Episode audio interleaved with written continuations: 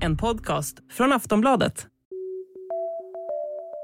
Ett hot världen över mot människors hälsa. Ja, det var snart två år sedan som Världshälsoorganisationen, WHO, bestämde att covid-19 är just ett hot.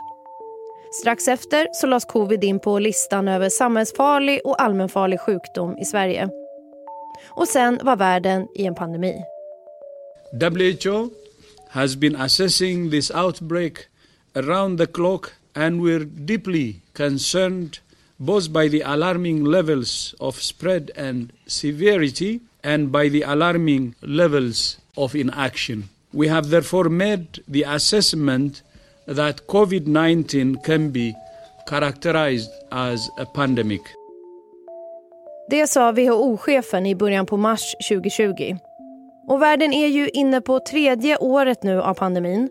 Och även om covid-19 säkerligen inte kommer försvinna så kommer människan kunna förhålla sig olika till den. Frågan är när. Ja, när kommer det att vara över? Och över i den meningen att vi kan leva som vanligt och sjukdomen inte längre ses som just samhällsfarlig. Vi ska prata med Emma Frans, epidemiolog vid Karolinska institutet om just det här. Vad kommer att krävas för att världen ska kunna ta ner garden? Vi ska också komma in på stöket med själva covid-testningen och hur masstestning och smittspårning kanske slutat vara meningsfullt. Jag heter Amanda Hemberg Lind och du lyssnar på Aftonbladet Daily. Vi tar avstamp i situationen just nu. Epidemiolog Emma Frans får inleda med att beskriva covidläget i Sverige. Ja, alltså just nu så är vi i ett läge med rekordhög smittspridning eh, och eh, vi har också ett högt tryck på sjukvården. Eh, och det här beror ju i ganska hög grad på att vi har en väldigt stor sjukfrånvaro just nu. Så det ställer till det i samhället på massa olika sätt. Och även då om vi kanske inte då har lika eh, många patienter som ligger inne eh, på sjukhus nu som vi har kunnat se under tidigare smittotoppar eh, så är situationen inom vården ändå väldigt svår nu i och med att vi har liksom en tillströmning av patienter och att man har den här stora sjukfrånvaron. Något vi också har kunnat se nu eh, de senaste veckorna det är att omikronvarianten blir allt eh, vanligare. Och anledningen nu att vi ser att trots att vi har rekordhög smittspridning men då kanske inte toppnoteringar inom eh, sjukvården när det gäller antalet patienter. Det beror ju dels på att vi har vaccin nu, vi har effektiva eh, vaccin. Omikron verkar dock eh, ta sig runt det här skyddet. Eh, vilket ju innebär att det är viktigt att så många personer som möjligt hinner få tredje dosen. Eh, men vaccinet verkar ju då ändå skydda mot allvarlig sjukdom.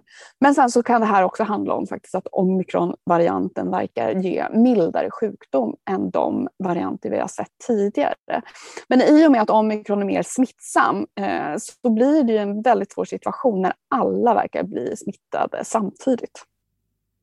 Men det här med att virus ändras och utvecklas till nya varianter, det, det, är ju inte konstigt. Det har sagts många gånger under pandemin, har vi lärt oss det. Men blev forskarvärlden förvånade eller inte när just omikron kom? Jag tror inte att någon blev eh, förvånad eh, över det här utan det var väntat. Ehm, vi har ju kunnat se det, eh, nya varianter över tid. Sen så exakt vilken variant som blir dominerande, det är ju svårt att förutsäga.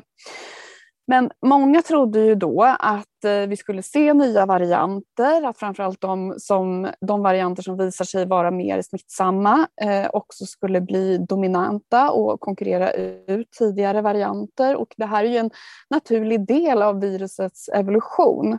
Coronavirus har den här tendensen att eh, mutera och om det uppstår då varianter som har bättre möjligheter att sprida sig, alltså som är mer smittsamma, så får de en fördel jämfört med tidigare varianter och därmed så eh, sprids de eh, i större utsträckning och blir mer vanligt förekommande. Sen så har det också varit experter som har eh, förutsett att vi på sikt också skulle kunna se varianter som gav en mildare sjukdom och att det också skulle bli liksom ett naturligt förlopp av den här pandemin, att man till slut skulle då kanske hamna i ett läge där man då Eh, dels beroende på immuniteten då i befolkningen från tidigare genomgången infektion eller vaccin skulle kunna få en mer gynnsam situation även om viruset eh, fanns kvar.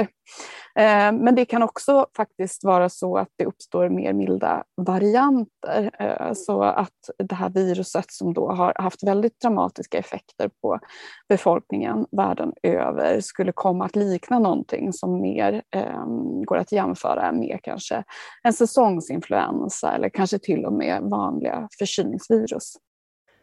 Covid-19 det klassas ju som allmänfarlig samhällsfarlig sjukdom och det är ju enligt smittskyddslagen. Eh, när, när kan det tas bort, det här, den här klassningen i Sverige och, och i världen?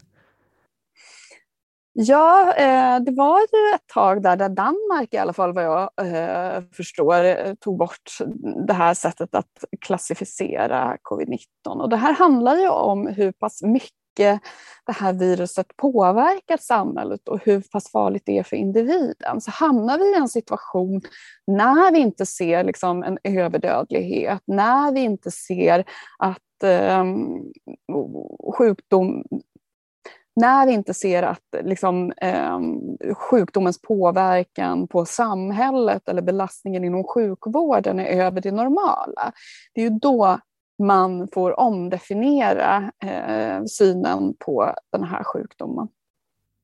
Och när kan det ske då? Ja, alltså jag menar, det finns ju teorier om att jag menar, vi befinner oss nu i en period där liksom omikron väldigt snabbt kommer eh, vad ska man säga, liksom, svepa över världen som en tsunami. Och sen kommer det bli en väldigt turbulent tid nu, men den kommer lämna efter sig eh, en stor immunitet i befolkningen och då kan ju faktiskt förutsättningarna förändras ganska dramatiskt. Men det är fortfarande svårt att veta hur snabbt det här kommer gå. Det beror ju faktiskt också på vilka åtgärder som kommer tas mot eh, smittspridningen. Eh, och sen så, jag menar, omikron kanske inte är den sista varianten som vi kommer se i den här pandemin, utan det kan också komma nya varianter som kan göra att vi eh, hamnar i ett svårt läge även efter då, eh, omikron. Testa så mycket ni kan. Det har ju varit återkommande budskap från WHO, Världshälsoorganisationen. Men du är ju inne på att masstestning, smittspårning, alltså det kan ha slutat vara meningsfullt. Varför tänker du så? Alltså jag tror att testning och smittspårning kan ha en eh, funktion lite beroende hur läget ser ut. Men nu har vi ett läge där vi har en väldigt stor samhällsspridning. Och det innebär ju då att eh, vi måste också prioritera resurserna. Alltså att lägga jättemycket fokus på att testa alla som har symptom och alla hushållskontakter. Det tror jag inte är ändamålsenligt just nu. Man ska ju testa eh, vissa personer, eh, personer som kanske jobbar inom sjukvården där det också kanske är viktigt att få komma tillbaka till jobbet eh, så snabbt som möjligt. Ehm, och eh, även kanske då på vissa platser som äldreboenden kan det vara viktigt att smittspåra och försöka isolera de personer som ännu inte har blivit eh, smittade. Men just den här liksom ospecifika masstestningen, det tror jag faktiskt inte är någonting som man bör prioritera i nuläget. Eh, de rekommendationer som finns är att man ska stanna hemma, eh, även om man då får ett eh, negativt provsvar om man har symptom. Och nu så är vi också i ett läge där det tar så pass lång tid att få provsvar. Belastningen är så hög så att det dels tar det några dagar innan man får möjlighet att testa sig och sen ytterligare ett antal dagar innan man får provsvaret. Så då har man gått i princip hela den här karantänstiden utan att veta vad man bär på. Så då spelar det faktiskt inte så stor roll om det visar sig att man har då haft covid-19 eller inte, mer än att det kanske stillar nyfikenheten. Men eh, om man om man nu slutar att testa, tappar man inte kontrollen då på smittspridningen och vet inte hur många som får det? Det brukar ju sägas vara viktigt att veta hur stor är smittspridningen? När det gäller det här med masstestning också, då måste man ju också förstå att man måste liksom, eh, väga olika aspekter mot varandra och göra vissa typer av prioriteringar i liksom, eh, ett perfekt läge när resurserna var oändliga. Då kanske man skulle vilja testa alla, eh, även i den situation vi befinner oss i nu. Men tyvärr handlar det nu om att göra prioriteringar och prioritera det som faktiskt är viktigast i nuläget. Och där tror jag faktiskt inte masstestningen är det viktigaste. Det har ju använts en rad olika mått för att försöka följa pandemin nu sen eh, början på 2020 där och antal smittade, avlidna, intensivvårdade har vi pratat mycket om. Vilket skulle du säga är mest rättvist eller passande att för att beskriva utvecklingen just nu? då?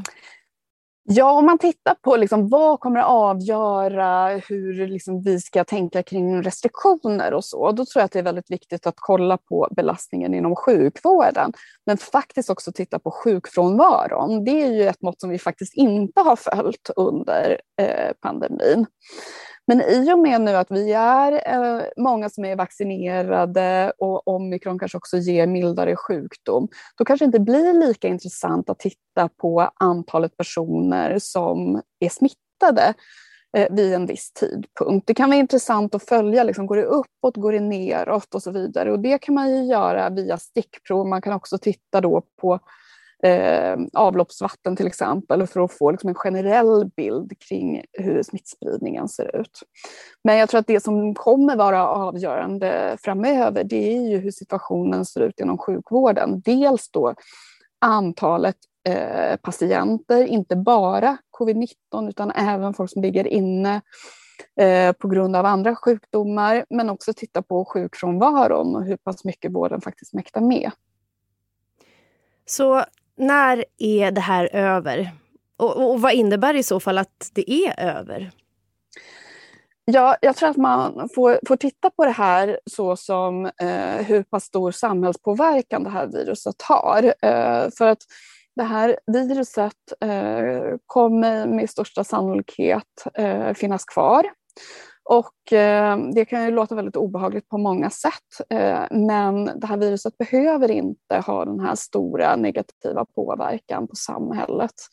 Utan man kan hamna i en situation där man tack vare liksom vaccin, immunitet, bättre beredskap kan hamna i ett läge där man kan hantera det här på ett bra sätt och hamna i en situation där vi kanske ser uppgångar på vinterhalvåret, eh, men att det inte blir eh, mer dramatiskt än det vi kanske annars ser när det gäller eh, influensavirus. Är vi nära då? Om vi skulle säga att omikron är liksom sista bossen, eh, då tror jag att vi faktiskt är eh, väldigt nära. Men som sagt var, vi vet att det finns många aspekter som vi inte kan förutsäga. Just det här med nya mutationer sker ju också slumpmässigt. Eh, så på något sätt är det ju per definition någonting som inte riktigt går att förutsäga. Så vi måste vara fortsatt vaksamma på det här och ha en fortsatt beredskap på att det här kan bli tufft kommande vintrar framöver. Den som pratade här det var Emma Frans, epidemiolog på Karolinska institutet. Det är Sveriges största nyhetspodd du har lyssnat på, Aftonbladet Daily och jag heter Amanda Hemberg Lind. Du får hemskt gärna prenumerera på oss om du gillar det du hör så tryck på knappen så missar du inga nya avsnitt. Tack så länge, hej då. Du har lyssnat på en podcast från Aftonbladet. Ansvarig utgivare är Lena K Samuelsson.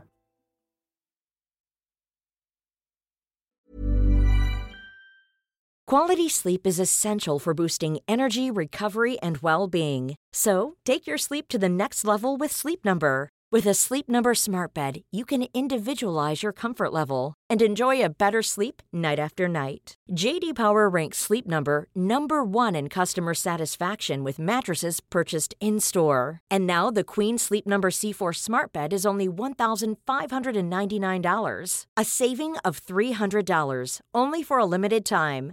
For JD Power 2023 award information, visit jdpower.com/awards. Only at Sleep Number stores or sleepnumber.com.